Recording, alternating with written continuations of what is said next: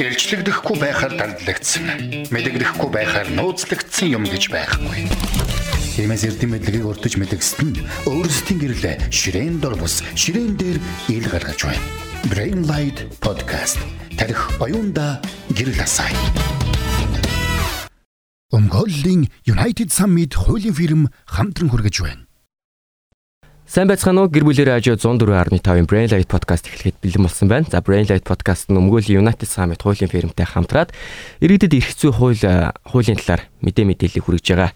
За өнөөдрийн зочноор өмгөөллийн United Summit хуулийн фирмийн хуульч өмгөөлөгч мөнх болт хүрэлцэн ирж бидэнд оюуны өмчийн зохицуултын талаар мэдээ мэдээлэл хүргэхээр ирсэн байна. Өдрийн мэнд хүргэе.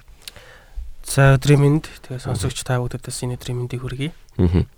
За тэгэхээр ер нь оюуны өмч гэдэг зохицуулт бол бас манай улсад бол их хожуу бас орж ирсэн тийм ээ. За тэгэхээр энэ оюуны өмчийн зохицуулт, оюуны өмчийн хууль тогтоомж Монгол улсын хүрээнд эрх зүйн зохицуулт нь ямар байдгийг, юу юу энд ордгийг тий бидний юу юуг оюуны өмчөр бас хамгаалах хэрэгтэй юм, бас тий оюуны өмчийг бас хэрэглэх боломжтой байдгийг гэдэг талаар бас мэдээлэл авах хаа гэж бодож байна. Тий. За өнөөдрийнхөө ярилцлагын сэдвийг оюуны өмч гэж юу юм бэ тий? Оюуны өмчөд юу хамаарах юм? За онцлог ялгаатай шинжүүд нь юу юм? Хэрхэн хамгаалж, хэрхэн хэрэглэж одоо хуульд эдгээр оюуны өмчтэй холбоотой эрхүүдийг ялгаатай яаж зохицуулсан юм бэ гэдэг талаар мэдээлэл өгөө гэж бодож байна. За тэгэхээр ер нь хамгийн ихний асуулт бол оюуны өмч гэж өөрөө юу юм бэ гэж. За оюуны өмчийн хууль тогтоомжууд бас харьцангуй шинчлэгдлээ. Сая 20 он 21 онд шинэ хуулиуд батлагдаад яг энэ цаг үеийн хувьд бол эргэцэн хэм хэмжээ хууль тогтоомж им шилжилтийн шинчлэгдсэн. За үүнийгээ дагаад дагаад энэ талаарх мэдлэг эргэцэн боловсролыг бас иргэдэд олгох шаардлага, сурталчлан таниулах шаардлага хэрэгцээ бол байгаа. За оюуны эмч өөрөө оюуны бүтээгч үйл ажиллагааны үр дүнд бий болсон зохиогч эрхийн бүтээл, зохиогч эрхэд хамаарх эрхийн объект болон ажил дүрийн өмчийг за энгийн үгээр тайлбарлахад хүний оюуны хөдөлмөрийн үр дүнд бий болсон одоо оюуны бүтээлийг л оюуны өмч гэдэг. За хамгийн ерөнхийд нь оюуны эмчийг хоёр хуваадаг. За нэгдүгээр зохиогч ирэх. За хоёрдугаарт ажил дүр ирэх. За зохиогч ирэх гэдэг энэ сэдвийн хүрээнд эхлээд тогтоод ярилцъя. Тэгэхээр зохиогчийн ирэхээр ирэх өөрөө хизээ үсдэг юм. Зохиогч ирэх гэж юу юм гэж. За бүх төрлийн одоо утга гурван зохиол урлагийн шинжлэх ухааны бүтээлүүд аа зохиогч ирэхэд хамаардаг. За кино, дуу, дүрс, зураг, гэрэл зураг, уран зураг, урлагийн бүх төрөл. Тий, урлагийн бүх төрлийн бүтээлүүд ингээд зохиогч ирэхэд хамаарат байгаа. А шин програм хангамж гэдэг ч юм уу. За зохиогч ирэх хизээ үүсдэг юм бэ гэж тухайн бүтээлийг туурвж одоо бий болгосноор зохиогч ирэх үүсдэг. Зохиогч ирэх хамгаалагдана. А түүнээс зүгээр санаа төдий тий байгаа зүйл зохиогч ирэх ирэхэд ирэхээр хамгаалагдахгүй зохиогч ирэх гэж тооцогдохгүй гэж. Тэгэхээр өнөөдөр би нэг одоо юу гэдгийг шүлэг бичлээ тийм үү? Шүлэг бичээд за энэ бүтээл төөрөгдлөө одоо энэ шүлгийн тухайд энэ миний оюуны өмчийн тухайд бол зохиогч ирэх яригдах нь байна. За цаашаа эдийн засгийн эргэлтэнд явж оруулахыг яаж хамгаалах гэдэг За зохиогч ирэх бол тухайн зохиогчийн хувьд насан туршид нь хамгаалагддаг. Нэмэх нь нас орсноос нь хойш 50 жилийн хугацаанд хамгаалагддаг. Өмнө нь бид нөгөө өв залгамжлалын талаар ярьж байсан. Асуудлыг ярилцж байхдаа 50 жил 50 жилээр оюун эмчийг хамгаалдаг гэж ярьж байсан. Зохиогч ирэхийг хамгаалдаг гэж. Тэгэхээр насан туршид нь болоод нэмэх нь 50 жил нас орсноос нь хойш ингэж хамгаалдаг. Ийм онцгой ирэх байх нэ. За зохиогчийн эрхийг ер нь бол амны эрх болоод эд хөрөнгө ирэх гэж ер нь онлын хэмжээнд за мөн хөлтөгтэй хэмжээнд ялгаад байгаа. За зохиогчийн амны ирэх гэж юу юм бэ гэж? Энэ эрх маань тухайн одоо иргэн хүний хувьд зохиогчийн хувьд нэгдүгээр зохиогч байх эрх. Аа. Амны эрх дотор хамаарна.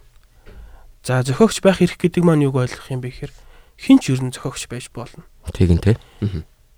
За эрх зүйн чадамжтай, чадамжгүй, за сэтгцийн хувьд эрүүл, эрүүл биш те. Хинч хүүхдч насан турсан хүрээгүй хамаагүй зохиогч байж болох. Зохиол бүтээл төөрөх энэ эрхийг амны эрх зохиогч байх эрх гэдэг.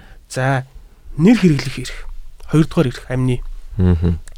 За нэр хэрэглэх эрх гэдэг дотор юуг ойлгох юм бэ? Агуулга нь юу юм бэ гэхээр тухайн бүтээлийг нэрлэх эрх. Ямар ч нэр өгж болно. Тэ? Тэр нь тухайн бүтээл зохиолтойгоо хамааралтай ч биш болно, хамааралгүй ч биш болно. Энэ бол нэр нэр хэрэглэх эрх. За гурав дахь амны эрх бол нэр дурдуулах эрх.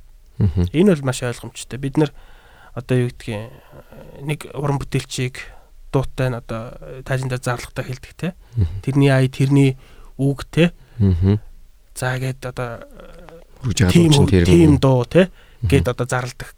Энэ эрхийг бол нэр дурдуулах хэрэг гэдэг. Аа. Нэр хэрэглэх, нэр дурдуулах те. Тий. За бүтээл халдчихгүй байх хэрэг гэдэг энэ амны дөрөв дэх хэрэг. Аа. Өөрөөр хэлбэл бүтээл халдчихгүй байх эрхийн агуулгыг юу гэж ойлгох юм бэ гэхээр хин нэгэн хүн таны бүтээлийг зөвшөөрлгүйгээр хууль бусаар хэрэглэх, ашиглах таны одоо амны эрх болоод эд хөрөнгийн эрхийг зөрчих одоо тэр зөрчлүүдээс хамгаалагдах халдшгүй байх энэ эрхийг бүтээл халдшгүй байх эрх гэж хэлээд байгаа. За эд хөрөнгийн эрх. Тэгэхээр эд хөрөнгийн эрхэд юуг ойлгох юм бэ? За тухайн бүтээлээ нийтийн хүртэл болгох, худалдах, түрээслэх. За өөрийн зохио зохиосон тухайн бүтээл дээр үндэслээд үүсмэл бүтээл бий болгох энэ эрхүүдийг бол ид хөрөнгө эрх гэдэг. Тэгэхээр өнөөдрийн зохиосон дууга зарах уу? Зүгээр түрээсэлж бусдад ашиглуулах уу? Тодорхой хугацаагаар тийм үү?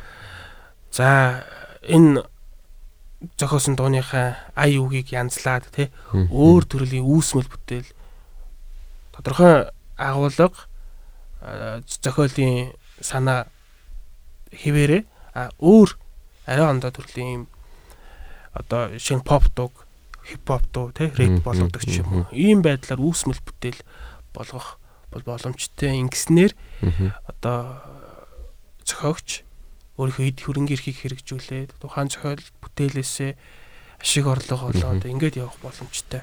Эдийн засгийн эргэлтэнд оруулж байгаа эрхийг эд хөрөнгөний эрх гээд. Тий. За тэгэхээр ер нь зохиогч гэж хий юм бэ? Хэн зохиогч байх боломжтой юм бэ? Тэгэхээр ер нь бол зохиогч гэдэг маань хувь хүн байна. Хүн байна гэж үздэг. Аа. За хүний бүтээсэн бүтээлийг зохиогч ирэхээр хамгаалах юм байна. За би нэлийн дээх нь бас нэг юм фэйсбүүкээр бичлэг үзчихсэн. Заан ингээ зураг зураад байгаа. Аа. Зааны хошуунд биер ятсан тэгээд сонсогчд маань ч гэсэн таа ч гэсэн үзчихсэн бич магадгүй. Тэр зааныг тэгээ сургацсан. Тэгээд зураг зуруулад за тэр зураг нь өөрөө зохиогч ирэхээр хамгаалагдах уу? Тэр зааныг зохиогч гэж үзэх үү? гэвэл үгүй болчиход байгаа. Яг энэ төрлийн маргаан бас олон улсад болоод тэгээд хүнийг зохиогч гэж үзнэ гэдэг байдлаа. Зааныг сургасан хүн нь одоо зохиогч нь үгүй гэдгээр. Аа за. Ер нь бол тэр зааны зурсан зураг бол зохиогч ирэхээр хамгаалагдахгүй гэсэн. Заан өөрөө хүн биш учраас зохиогч биш. Аа тухайн сургасан этгээд буюу те одоо тренер нь бол өөрөө зураг учраас бүтээгээг учраас зохиогч ирэх байхгүй те. Тэгэхээр зохиогч гэдэг маань ер нь хувь хүн байна. За хуулийн этгээд буюу аж ахуйн нэгж байгууллагад зохиогч байж болох уу? Аа. Хоёр тохиолдолд болно гэж. За. Нэгдүгээрт хөдөлмөрийн гэрээгээр ажиллаж байгаа. Аа. Хөдөлмөрийн харилцаанд ажилтныхаа бүтээсэн бүтээлийг байгууллага хөдөлмөрийн гэрээндээ заасан тий. Одоо байгууллага эзэмшнэ. Энэ цохигч эрхийг байгууллага хэрэгжүүлнэ гэж заасан тохиолдолд бол тэр бол хуулийн этгээдийн буюу байгууллагын ажил олгогч юмжуулж чаддаг. Мгм. Тэгэхээр ялтчгүй цалингаа аваад тухайн зургийг зурх ёстой одоо ажилтны хувьд за тухайн зохиолыг бичих ёстой хүний хувьд цалингаа аваад хийж байгаа учраас тэр бол байгууллагын өмч зохиолно тийм үү. За хоёрдугаар байгууллага зохиогч зохиогч байх тохиолдол гэвэл захиалга өгч хийлгэж байгаа тохиолдолд. Мгм. За ямар ч үсэн би нэг ийм санаатай бүтээл хийлгэмээр байна. За ийм одоо рекламны зохиол бичүүлмээр байна. Манай байгууллагын үйл ажиллагааг сурталчилсан тийм үү. За тэгэхээр тэр рекламны ч гэдэг уу тухайн контентын зохиолыг нэгэн бичиж харна. Мгм. Тэр нь захиалга өгөө санаагаа хэлээд за ингээд үйлдвэр тухайн хүний оюуны бүтээлч хөдөлмөрийн үр дүнд бий болж байгаа зохиол болов захиалагчийн өмч байна гэж ингэж ойлгоно гэж. За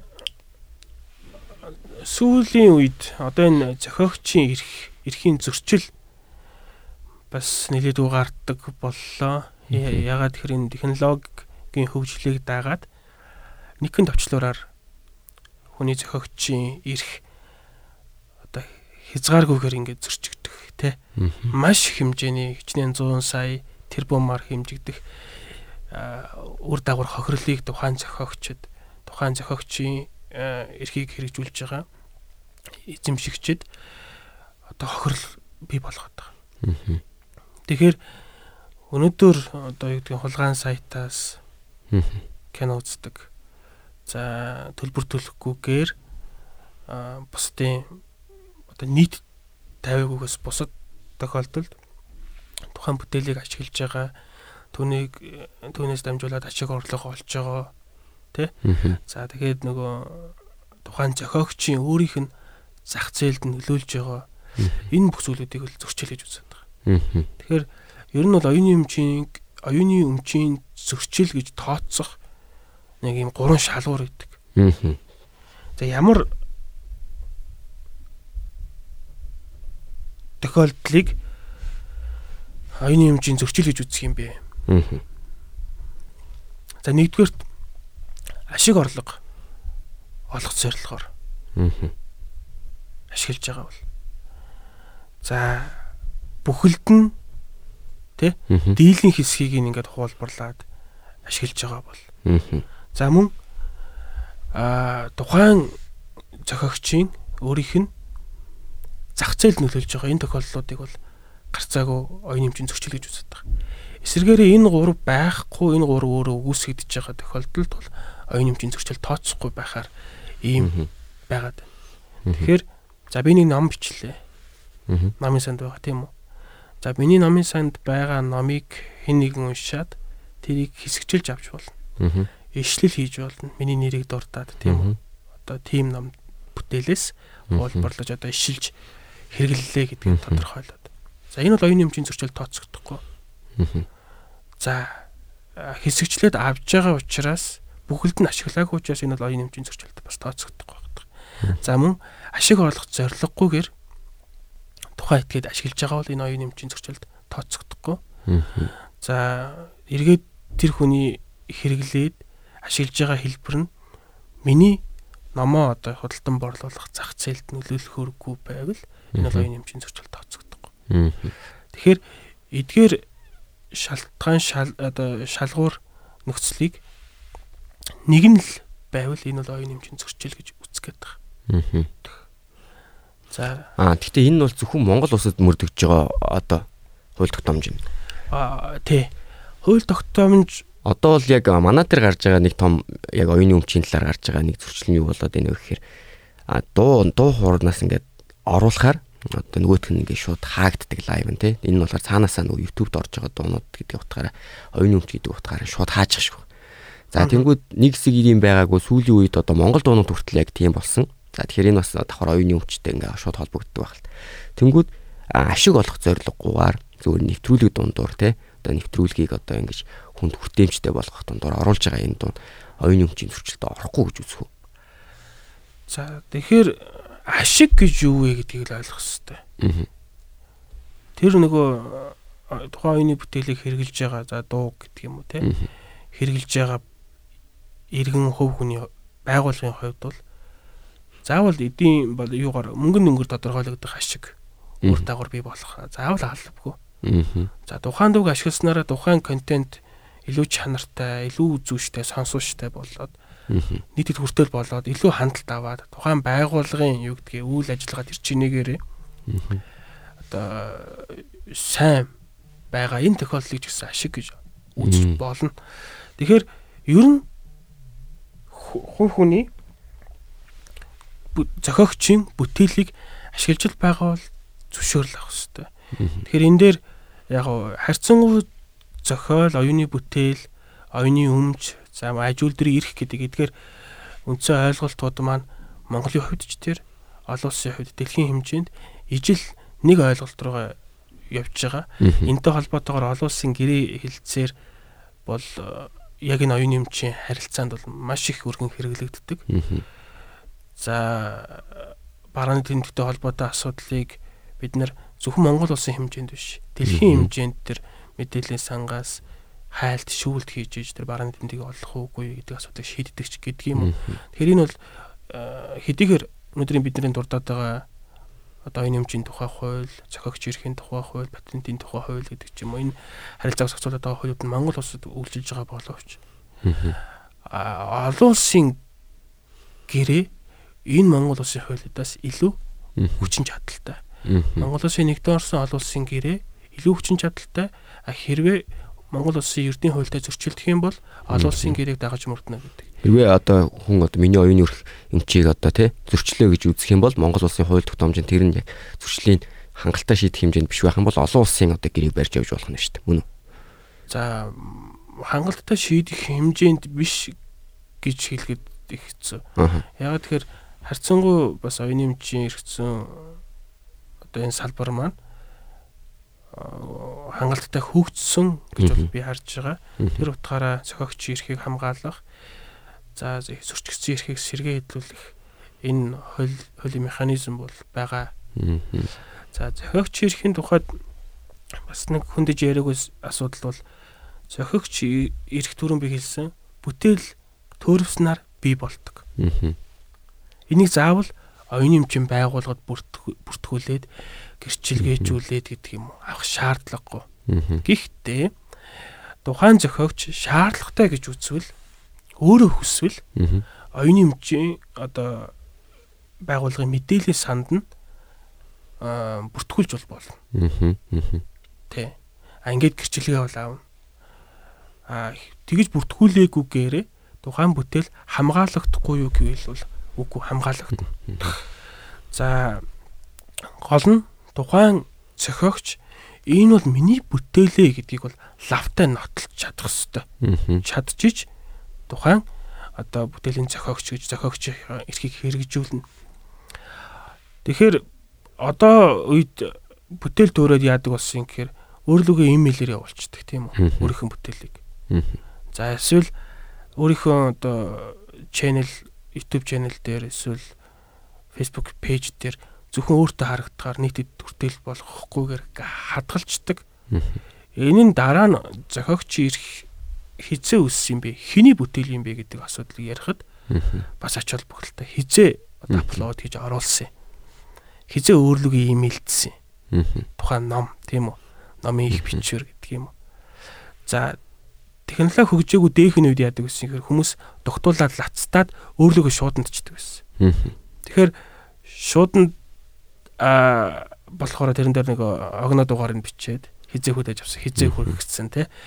Тэгэд лацыг нэхэхгүй тэр тухтуутай бүтээлээ байлгаж идэг тийм үү. Одоо хөгжмийн зохиолч бол өөрийнхөө нотыг өөрлөгөө шуудандчдаг гэдэг ч юм уу. Иймэрхүү байдлаар зохиогч ирэх бол хангалттай хамгаалагдаж бүтээл төрөс үеэс хамгаалагдана гэсэн-. За одоо зохиогч ирэх гэдэг энэ сэдвийг төр өндөрлөөд хоёлаа юу орё. Ажил төр ирэх гэж юу юм бэ гэж. Тэгэхээр оюуны өмчийн үндсэн хоёр салбарын нэг нь бол ажил төр ирэх. За ажил дээр ирэх дотор юу ороод байгаа юм хэр шин бүтээл, бүтээгдэхүүний загвар, ашигтай загвар, барааны тэмдэг, газар зүүн залт гэдэг. Энэ таван зүйл ажил дээр ирэхэд ордог. Тэгэхээр за нэг жишээ аваад жишээн дээр яг юу нь шин бүтээл болох юм, яавал бүтээгдэхүүний загвар болох, яавал ашигтай загвар болох гэдгийг яриа. За жишээлбэл унд ундаг дугуйны хамгаалтын малгай Аа. байлаа. Дуул хамгаалтын малгай ка- ка- каск. Аа. Каск гэх баг тийм. За энэ бүтээлийг анх бүтээснээрээ энэ бол юу болчиход байгаа? Шинэ бүтээл болчиход байгаа. Аа. Тэ? Одоо байгалийн одоо яг ху- хуулийн зохицаалтаар болохоор Аа. шинэ бүтээлийг байгалийн хууль тулгуурлан сэдэж үндслийг нь тодорхойлсон бүтээгдэхүүн үйлдвэрлэх арга ажиллагаанд хамаарах техникийн шийдлийг гэж шинэ бүтээл гэдэг ойлголтыг бол тодорхойлоод. Тэгэхээр энэ малгайг хамгаалтын малгайг хийгээд энэ шинэ бүтээл болж байна. За илүү одоо техникийн хувьд үр өгөөжтэй ашигтай за магадгүй одоо дугуй спортод илүү хурдан явуулахын тулд агаарын одоо эсэргүүцэл юг аэродинамик гэдэг ч юм уу те тэр чадварыг нь сайжруулахын тулд хэлбэр хэмжээнд нь өөрчлөлт оруулж болж. Те илүү агаар зүсэх чадвартай болгоод тийм үү? Илүү одоо нөгөө дугуй жиж байгаа хүнийг дугуй унж байгаа хүнийг ядраахгүй байх. Илүү хурдан явах тэр техникийн шийдлийг тодорхойлоод тэр хэлбэрийг өөрчлөлөө энэ л ашигтай загвар болж байгаа. За бүтээгдэхүүний загвар гэдэг маань өөрөө үндсэндээ харагдц өнгөзөмж гэдэг зүйлүүд бол бүтээгдэхүүний загвараа гэж ойлгоод байгаа. За ингээд ер нь бол аж үйлдвэрийн эрх маань 7-оос 20 жилийн хугацаанд хамгаалагддаг. За шин бүтээл бүтээгдэхүүний загвар, ашигтай загвар энэ гурыг бол патентаар хамгаалдаг. Патентаар. За ажил барааны тэмдэг болоод газар зүүн залтыг бол гэрчилгээгээр хамгаалдаг. Гэрчилгээжүүлж. За ажил дүрийн эрхийн одоо патентын гэрчилгээний хугацаа дууссан тохиолдолд сунгуулж бол болдог. За ийм байна. За барааны тэмдэг газар зүүн залт гэж юу юм бэ? За барааны тэмдгийн тухайд бол миний тухайн бизнесийн бараа үйлчлэгийг таны бизнесийн бараа үйлчлэгээс ялгах гэдэг. Тэр ялгаатай шинж чанарыг тодорхойлоод байгаа. Үг, үсэг, дүрс одоо гурван хэмжээс дүрс. За дуу, үнэр, амт зэргийг бол барааны тэмдэг гэдэг. Энийг одоо бүртгүүлж болно. Заавал нэр гэдэг юм уу, лого дүрс юм- дүрсийг л барааны тэмдэг гэж бол ойлгож ойлгох бол өрөсгөл. Тэгэхээр эдгээр нь дангаараа болоод хосолмол байдлаар барааны тэмдэг болдог. Тэгэхээр одоо дуу хүртэл өөр барааны тэмдэг болж штэ тийм үү? За аюу гэх iPhone утасны рингтон Өөр гэдэг. ондоо. За одоо Samsung-ийн өөр. Эдгээр хоорондоо ялгаатай байдал тухайн бизнесийн бусад бизнесээс ялгагдах ялгааг тодорхойлж байна. Таны гар утас дугуурлаа. Би утсыг чи хараагүй боловч сонсогдож байгаа рингтоноор нь за та одоо iPhone барьдаг юм байна гэж би одоо мэдж болж штэ. Энэ ялгаатай байдлыг а бизнесийн брендинг одоо нийтэд танигдсан за одоо эдийн засгийн хувьд илүү давуу байгаа энэ баталгааг бол барааны тэмдгээр л одоо тухайн бизнес эрхлэгч хамгаалж бизнесээ одоо найдвартай баталгаатай байлгах боломжтой. Энэ дэр нэг зүйл асуулт гарч ирж байна л да. За ашигтай загвар нэг хүм хийчлээ, тий?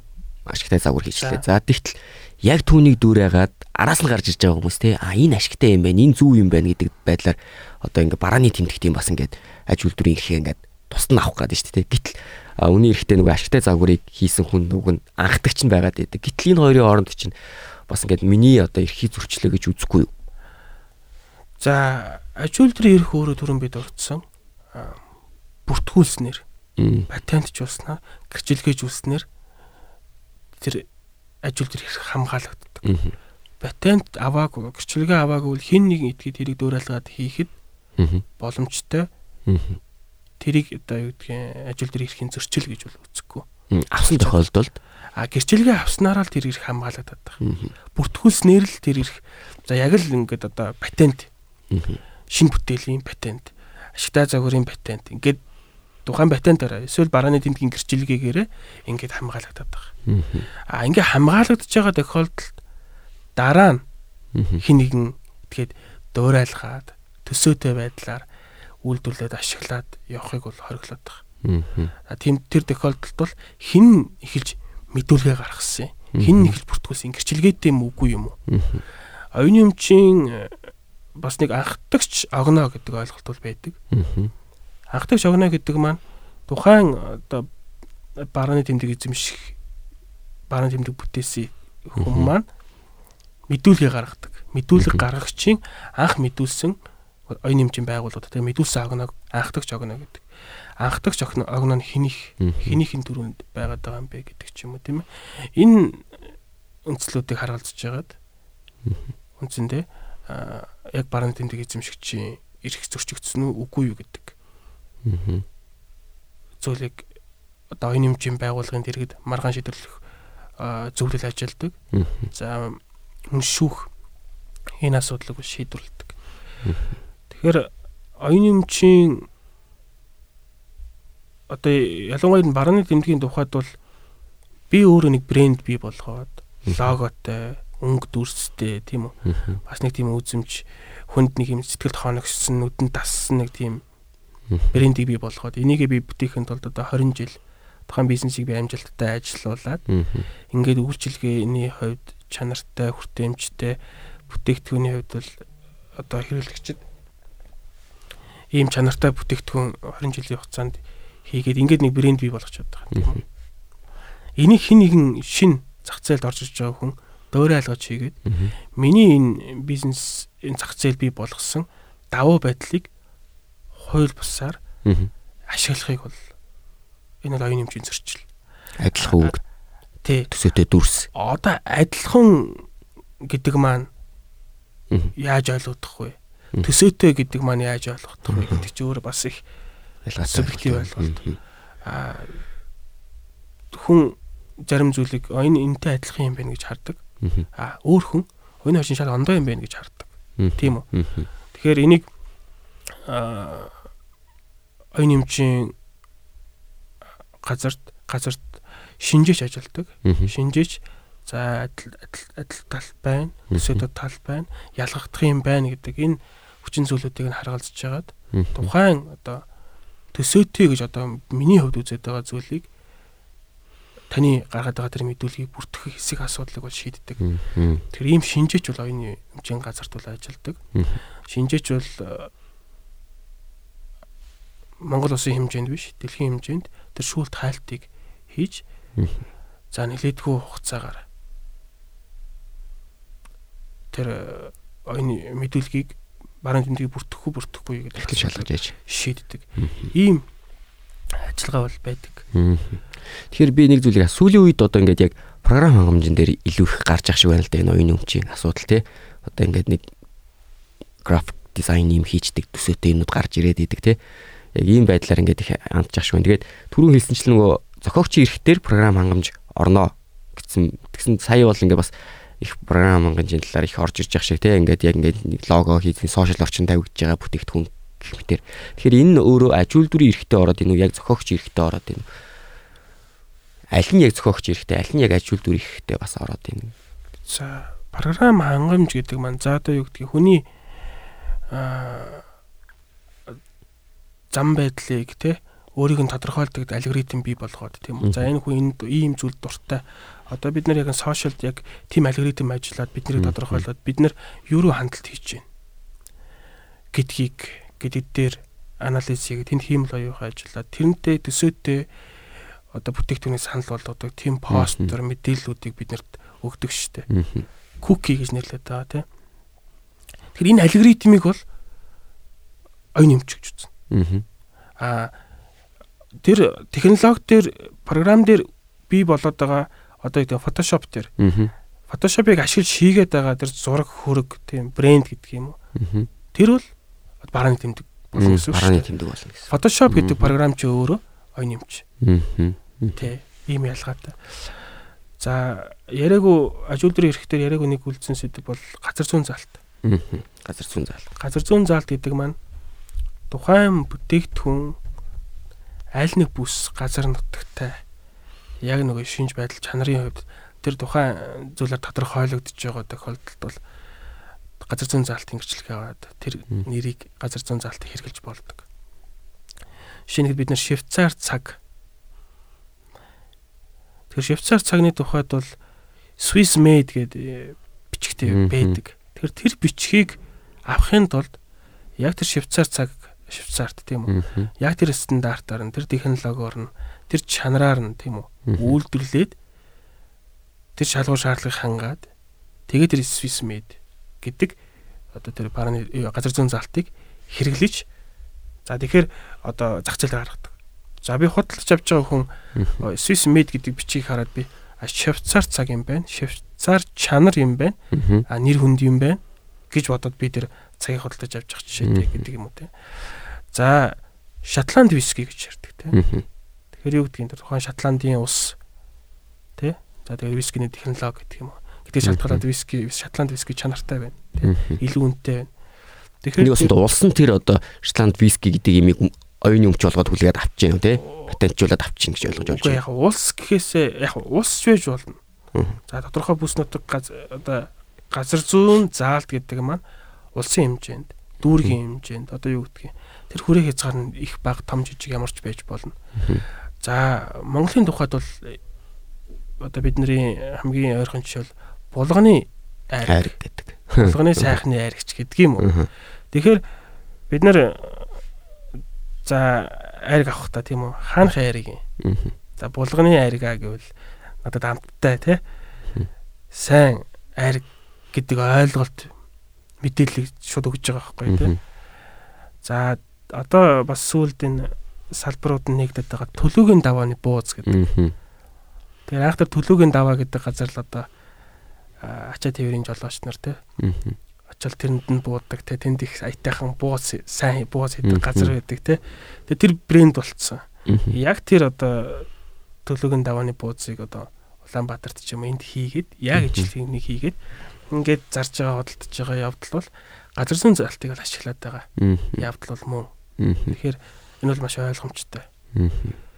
Тэгэхээр ажуул дээр ирэх гэдэг маань тухайн эрхийг эзэмшиж байгаа этгээдэд яг юм бизнесийн хувьд ич хөрөнгийн хувьд юм давуу байдал за тэрийг эргэлтэнд оруулах боломжийг олгодог. Ашиг орлого олох боломжийг олгодог. За ийм байна. Тэгэхээр зохиогч ирэх, хажуул дээр ирэх гэдэг хоёр үндсэн ялгаатай хоёр том зохицуулт ойлголтууд байгаа. Аа. Тэгэхээр тухай бүртээ бол нэлээд том судлагдхуунууд. Өнөөдөр бид нэр тухайлаад ярих юм бол энэ бидний цаг бол хүрэхгүй. Тийм учраас бид нар зөвхөн одоо дөнгөж гарчглах төдийд ийм ерөнхий мэдээллүүдийг бол өгж байгаа шүү. Тэгэхээр сонсогч та бүгд сонирхож байгаа сэдвэрээ тухайлан судлах, гүнзгийрүүлэх ийм шаардлага хэрэгцээ бол байгаа гэдгийг бол хэлмээр. За тэгэхээр энэ хоёр эрхтэр бас яг нэг яригдаг зүйл нь байгаа болохоор тэрийг яриад бас дуусгах гэж бодож байна. Яригдаг олон зүйлсүүд байна. Аа гэхдээ хариуцлага яа шийтгэлийн хувьд хууль зүй. За Одоо ингээл хүмүүс бол ингээл ярьж одоо дуучт бол сая би нэг пост харж исэн да манай ая зохиогч гитар чинь өөж яах бол миний зохиосон дууг одоо шинэ жилийн үеэр одоо ингээд зүгээр ингээд надаас ямар ч зөвшөөрөл авахгүйгээр дуулаа явж байгаа ингээд олон залуучууд байгаа гэдэг зүйлийн талаар бол ярьж исэн. Тэгээд хувь хүн бол өөрөө ял тэрнийхэн дагуу ингээд заргалдаа явахыг бол хүсээгүй. Гэхдээ ер нь бол энэ зохиогч эрхийн асуудлыг жоохон ингээд илүү ярмаар байна гэсэн зүйл ярьж исэн. Тэгэхээр энэ дээр манай хууль хангалттай зохицуултыг хийж болж гинүү тий. Яагаад энэ хүн ярихгүй байна? Түүхшөөж гин гэдэг асуудал юм тий. За зохиогч ирэх гэж юу вэ гэдэг оюуны өмч гэж юу вэ гэдэг бол хуулиар тодорхойлоод за энэ зохиогч эрхийн ямар зохиогч эрхтэй холбоотой ямар үйлдэлийг одоо зөрчил гэж үзэх юм гэмт хэрэг гэж үзэх юм бэ гэдгийг эрүүгийн хуулиар зөрчлийн хуулиар тодорхойлоод өгсөн байна. За тухайлаад нөгөө хариу гим гим буруугийн хэмжээ, үр дагавар, хохирол за гэдгээс нийгэмд үзүүлж байгаа хор нөлөө гэдгээс шалтгаалаад энэ ял санкцууд нь бол ондоо байгаа. Үйлдэлүүд нь ч гэсэн тухайлаад ялгаатай байдлаар зохицуулаад өгсөн. Тэгэхээр зохиогч эрх эрхийн зохиогч зохиогч эрх түн тамаар эрхийг зөрчих гэдэг одоо эрэг үйл засан гэмт хэрэг байна тийм үү. За баруун тэмдэг газар зүйн заалтын тухай хууль зөрчих, патентын тухай хууль зөрчих гэд ийм гэмт хэрэг зөрчлүүдийг хууль тодорхойлоод тухайлаад ялгаатай ял шийтгэлүүдийг заагаад өгсөн баг. За оюуны хэмжийн зөрчил дээр торгох за одоо бидний нийтлэг мэддгээр хариуцлагууд торгох хорих тий зорчих хэрэг хязгаарлах гэдэг ч юм уу. Энэ яа шийдвэрлээс гадна бас ямар албадлага байдгийг бэхэр а тухайн одоо таны бие оюуны эмчийг аваад хэрэглээд худалдан борлуулад олсон орлогыг хураадаг. За зөрчил үйлдэхэд ашигласан эд зүйл. Одоо юу гэдгийг би хэвлэх үйлдвэр хэвлсэн юу принтерлсэн байдаг юм бол тэр эд зүйлийг хураадаг ч гэдэг юм уу. Иймэрхүү байдлаар бол оюуны эмч эрхийг хамгаалдаг. Зөрчигчдэд бол хариуцлага хүлээлгдэг. Тэгэхээр тодорхой нөхцөл байдал тухайн хүний одоо гаргасан зөрчлөөс хамааралтайгаар л одоо эрүүгийн хууль зөрчлийн хууль одоо торгох шийтгэх бүх хуулиуд тогтоомжууд нь ингээд билээхэн байдаг юм байна. Зүгээр магадгүй яг ингээ өөрийн гэсэн бүтээл нь хаана нэгэн газар зөрчигтэй явж байвал тэр нь ингээд яг баталгаажуулаад ингээд эрхээ хамгаалуулах бүрэн боломжтой юм байна гэж ойлгож болж байна тий. Аа тэгэхээр дөрөв бас ярьсан жишээнхэд гитарчин үлзий оршихын аяыг дууг зохиосон дууг тийм үү ашиглаад байна гэж бол энэ л оюун нэмжийн зөрчил мөн. Тухайн зохиогч дуу хийгээд тэрийг насан туршдаа өөрөө эзэмших хэрэгтэй. Одоо хүс одоо бусдад өгөөгүй л бол тийм. За нас урснаас нь хойш дахиад 50 жил үр хөвгт нь үр хөвгтүүд нь тэр өөрөө гооч нь хүртээд явах хэрэгтэй. Ийм байхад хин нэгэн тэг зөвшөөрөл авахгүйгээр ашиг орлого олох зорилгоор одоо халтур хийгээд гэдэг юм уу? Ингээ хэлэхээр ингээд нийтэд хүртэл болгоод тоглоод тэндээс мөнгө авч байгаа бол энэ бол оюун нэмжийн зөрчил мөн. Тий. Тэгэхээр энэ дээр яг үнэхээр зохиогч өөрөө эрхийнхээ араас хөөцөлдөх, эрхээ хамгаалуулах, сэргийлгэх за магадгүй өөрт нь учирсан хор хохирол байгаа гэж үзэж байгаа бол тэрийг буруутай гэдгээс гаргуулах боломж бол байгаа. За тэгвэл оюуны өмчийг яаж эдийн засгт оролцуулах юм те? Бас эрхийг нь шилжүүлж болдго юм болов уу? За тэгэхээр оюуны өмчийг яаж эдийн засгийн эргэлтэнд оруулж өөр өгөөж нөхөртөх юм бэ? Ашиг орлого олох юм бэ? гэдгийн тухайд бид нар 2 3 ойлголт гэрээг ярих шаардлага үүсэж байна. За бидний сүүлийн үед нэлээдгүй бас түгээмэл болоод байгаа асуудал энэ франчайз гэдэг асуудал байна. За франчайз гэдэг маань тодорхой одоо бизнесийн нэр бараа ажил үйлчлэгийн тэмдэг бүтээгдэхүүний загвар сав баглаа боодол ажил хэргийн удирдлагын тогтолцоо менежмент гэдэг юм уу. Эдгээр зүйлүүдийг баран франчайз гэдэг эдгээрийг ашиглуулахтай холбоотой бид нэр гэрээ хийгээд франчайзинг журмаар төлбөр тооцоогоо тохироод тодорхой хугацаагаар ингээд ашиглуулж болно. Хугацаа нь өөрөө гэрээний дагуу заагдсан байх хэрэгтэй. 10 жил. 10 жил. За энэ франчайзинг гэрээг бол бичгээр заавал хийдэг. Тэгэхээр бидний хамгийн ойрхон жишээ бол одоо CU гэдэг франчайзинг тухайд тийм үү. Энийг бол одоо Монголын нэг компани эрхийг аваад за саб франчайзинг гэрээгээр бусдад ингээд бас зардаг. Франчайз эрхийг нь шилжүүлдэг. За эндээс тодорхой роялти хувь аваад за эсвэл хувь тооцохгүйгээр зүгээр яг тэдэн сарын хугацаанд тэдэн жилийн хугацаанд тэдэн төгрөгөөр гэдэг ингээд үн ханшаа тохироод ингээд франчайзыг гэрээгээр тухайн бизнесийг ашиглаад байгаа бизнес гэдэг дотор түрүү миний миний хэлсэн асуудал бүгд ороод байгаа. Бүр бизнес бизнесийн менежмент буюу удирдлага, удирдлагын тогтолцоо хүртэл тий. За юу гэдэг нэг салбар дээр хэдэн одоо менежер ажиллахын хэдэн төгөөгч байх юм хэдэн худалдааны зөвлөх байх юм гэдэг юм уу. Энэ хүртэл тухайн одоо бизнесийн ялгагдах онцлог байгаад тэр бизнесийн хувьд одоо шийдэл байгаад тэрийг бусдад ашиглуулж байгаа ойлголт учраас энийг бол франчайзинг гэрээгээр зохицуулнаа. За мерчендайз гэдэг ойлголт байгаа. За мерчендайз нь бол илүү зохиогчийн эрх талдаа. Франчайз гэдэг нь илүү ажил төрийн эрхийг бусдад шилжүүлэхтэй холбоотой асуудал. За тэгэхээр өнөөдөр би бол энэ хүү гэдэг хамтлагийн бодолгыг өмссөн байна. Мерчендайзын одоо мерч гэж бид нар ярьдаг. Тэгэл цамцан дээр хэвлэгдсэн хэвлэл одоо тэмдэг одоо пин пин зүйтэй тэмдэг те. За юу гэдгийг аяган дээр хэвлэгдсэн хэвлэл. Тэгэхээр тухайн зохиогч эрхийг эзэмшигч маань мерчендайзинг гэрээний үндсэн дээр хин нэгэн хүн эрхийг олгоход тухайн субъект их шилжүүл авсан этгээд маань тухайн иргэний хин нэгний нэр төрх дуу хоолой утга зохиол урлагийн бүтээл эд зүйлийн дүр зураг зэргийг бол одоо бүтээгдэхүүн үйлчилгээнд ашиглаад ингээд явах харилцааг бол мерчендайз гэдэг. За хамгийн анх мерчендайз хизээ яаж үс хамгийн анхны тохиолдлыг бид нар юу гэж тодорхойлдог юм гэхээр Walt Disney өөрийнхөө одоо хүүхэлдэйний дөрүүдийг хувцсан дээр хэвлүүлснээр. За тэгэхээр нөгөө хувц үйлдвэрлэгчийн хувьд бол тэр бүтээгдэхүүнээ илүү их борлуулалттай болгох арга хэлбэр байсан.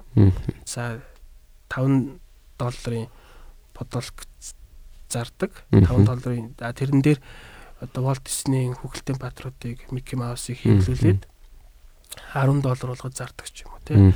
За тоош ирэх гин борлуулалтын хэмжээ нэмэгддэг ийм зүйл анх Walt Disney дөрүүдийг Merchandising журмаар хэрэгэлсэнтэй холбоотойгоор ингээл одоо хөгжүүлж явж байгаа. Тэгэхээр энэ дотор хүний дүр төрх дуу хоолой хүртэл одоо пароди гэдэг дэлгэрүүлэлтүүд бол бас энд орох нь шүү дээ мөн үү? Тий, яг пародиг бол яг нэг оюуны өмчийн ирэхээр хамгаалахгүй гэж үзээд байгаа. Олон улсын юу шүү. Туршлага. А Монголд бол яг энэ пароди гэдэг зүйлийг оюуны өмч ирэхээр хамгаалахтай холбоотой эсвэл хамгаалахгүйтэй холбоотой яг ингээд зааглаад өгсөн юм бол байхгүй. За жишээ нь бид нар ингэдэг шүү дээ. Фильмүүдээр хин нэгний дуу хоолойг дуурайгаад сурталчилгаа хийдэг те. Ашиг орлого олж штэ. Ашиг орлого олж байгаа. Тухайн жүжигчин те. А одоо буянгийн жагагийн хоолойг уншаад те. Батүлийн хоолойг уншаад реклам хийдэг штэ. Тэгэхээр ингийн тулд Батүлээс буянгийн жагаас тэр зөвшөөрлийг авах хэрэгтэй тий. За тэгээд одоо реклам хийж байгаа ашиг орлого олж байгаа бол тэрнийхээ зохих хувийг одоо тухайн этгээдтэй ямар байдлаар тохиролцсон тэрнийхээ дагуу өгч явах хэрэгтэй. Уг нь бол уг нь бол. Тэгэхээр merchandise гэдэг маань одоо илүү юм зохиогч эрх дээр суурилсан. За нэмэх нь хүний дүр төрх дуу хоолой ашигладаг. Энийг ашиглуулахтай холбоотой, хэрэглүүлэхтэй холбоотой ийм гэрээний харилцаа гэлээд байгаа. За тэгээд бас лицензийн гэрээ гэж байдаг. Ер нь бол оюуны өмчийн өөрийнхөө оюуны өмчийг бусдад ашиглуулахдаа лицензийн гэрээгээр ашиглуулдаг. Энэ нөгөө нэг франчайз мерчендайзаас тусдаа. Яг тухайлаад одоо иргэний хуульд бол merchandise franchising гэрээг бол заагаад байгаа. Ер нь л эрх шилжүүлэх гэрээ лицензийн гэрээ бас нэлээдгүй ойролцоо ийм гэрээнүүд. За ийм байдлаар бол оюуны өмчийг бусдад хэрэглэх, ашиглуулах, зарах эрхтэй. Тэгэхээр оюуны өмч гэдэг маань одоо бид нар хэдийгээр нүдэнд харагдахгүй бит биш. Ийм зүйл боловч яг эд хөрөнгийн эрхтэй адилхан яг тухай хөрөнгө өөрийнхөө оюуны өмчийг хүссэн хэмжээний захиран зарцуулах эрхийг бол тухайн оюуны бүтээл тойрвсон зохиогч эсвэл тэр аж үйлдвэр эрхийг эзэмшээд байгаа этгээд хэрэгжүүлж болдог. Тэ одоо хүссэн хэмжээний захиран зарцуулна гэдэг маань бол худалдана, түрээслэн, өнгөө ашиглуулна, тийм? Бэлэглэн. За нийтэд хүртэл болгосон асуудлаа буцаага татна гэдэг энэ эрхүүдийг бол аа, хязгааргүйгээр эзэмшнэ гэж бол ойлгож болно. За маш баярлалаа. Тэгээд өнөөдөр Brain Light podcast нь өмгөөллийн United Summit хуулийн фирмийн өмгөөлөгч хуульч мөнх болттой хамтран оюуны өмчийн зохицуултын талаар мэдээ мэдээллийг сонсогч олондоо хүргэлээ. Тэгээд танд ч гэсэн бас мэдээл болсон байх гэж бодож байна. Баярлалаа. За баярлалаа. Подкастыг өмгөөллийн United Summit хуулийн фирм хамтран хүргэлээ.